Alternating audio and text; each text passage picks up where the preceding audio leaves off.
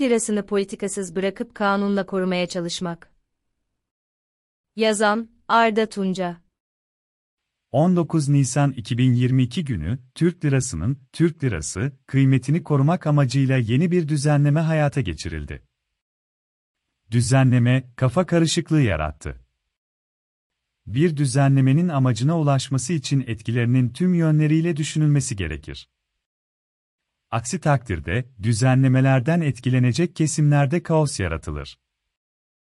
Son yıllarda, böylesi durumlarla sıkça karşılaşılıyor.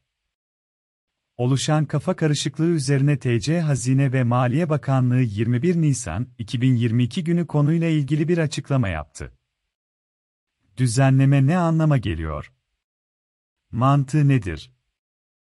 Düzenleme, Türkiye'de yerleşik kişilerin kendi aralarında gerçekleştirdikleri ticarette, ödemelerin Türk lirası cinsinden yapılmasını hedefliyor. Amaç, yabancı paralar, YP cinsinden yapılan ödemelerin önüne geçmek.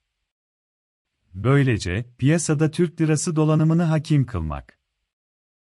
Bankacılık Düzenleme ve Denetleme Kurumu'nun, BDDK, 15 Nisan 2022 verilerine göre, Türkiye'de yerleşik kişilerin tasarruflarının %57 CYP cinsinden tutuluyor. Yani, yüksek düzeyli bir dolarizasyon sorunu var. Bu tutarın içinde YP cinsinden yapılmış ticari anlaşmaların yükümlülüklerini yerine getirmek amacıyla tutulan tutarlar da var. Ödemelerin Türk lirası ile yapılması halinde, YP cinsinden mevduatın belli ölçüde TL'ye dönüşebileceği düşünülüyor. Yani, dolarizasyonu zayıflatacak bir unsurun devreye gireceği düşünülüyor. Düzenleme, menkul satış sözleşmelerini hedefliyor. Yani, taşınabilir her tür mal kapsam dahilinde. Ayakkabı, elektronik eşya, kağıt, gıda ürünleri, VB çok sayıda ürün demek bu. Düzenlemede, menkul ifadesi geçtiği için, herhangi bir hizmet bu kapsama girmiyor. Hizmetlerle ilgili ödemeler YP cinsinden gerçekleştirilebilir. Ticaretin dört temel unsuru vardır, sözleşme, fatura, çek ve ödeme. Yeni düzenleme ile ticarete konu sözleşmeler, faturalar ve çekler YP cinsinden düzenlenebilir ama, ödemeler YP cinsinden değil, Türk lirası cinsinden yapılabilir. Diğer bir ifadeyle devlet, aranızdaki ticari anlaşmaları, faturaları ve ödeme aracı olan çeki istediğiniz para birimi ile düzenleyebilirsiniz ama piyasada dolaşan para Türk lirası olacak, demiş oluyor. Gayrimenkul için hatırlatma. Gayrimenkul ile ilgili sözleşmeler ve ödemeler zaten YP cinsinden yapılamıyor.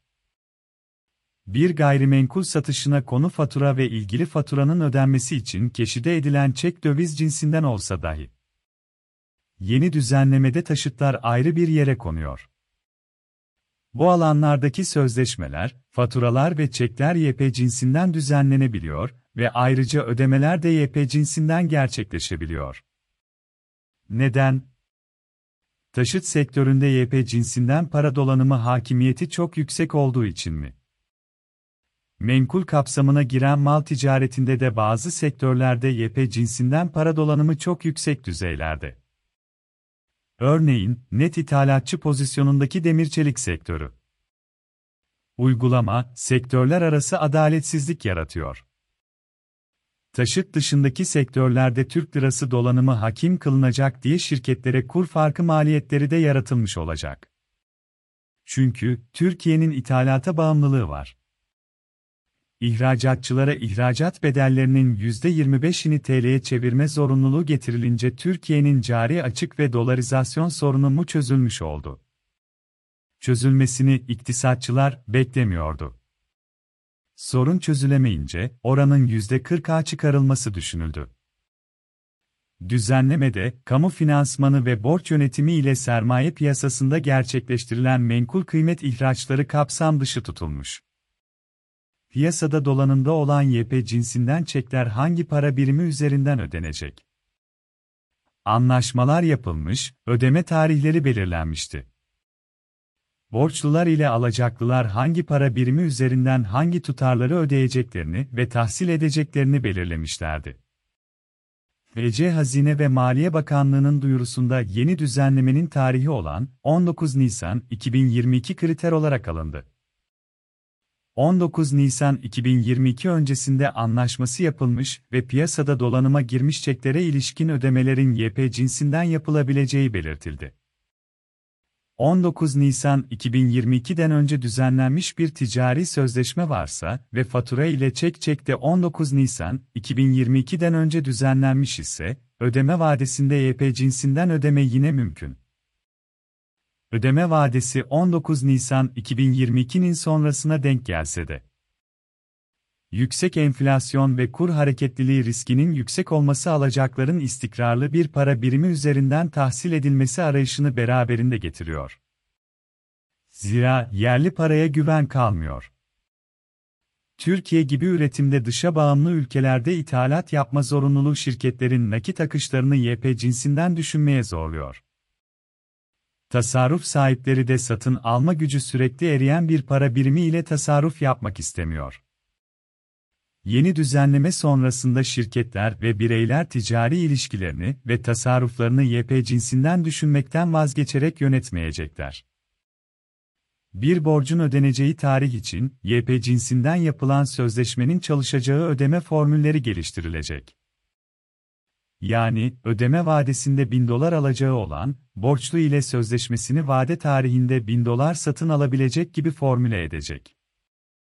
Bir para biriminin tasarruf ve ticaret için tercih edilmesi, o paranın arkasında duran ekonomi politikalarına ve kurumlara güven duyulmasıyla mümkündür. Güvenin erozyona uğradığı, paranın arkasındaki kurumların ve politikaların yok edildiği para birimleri tasarrufta ve ticarette tercih nedeni olamaz. Şirketler ve bireyler, ekonomik çıkarlarını koruyacak yöntemleri yasalar çerçevesinde mutlaka bulurlar.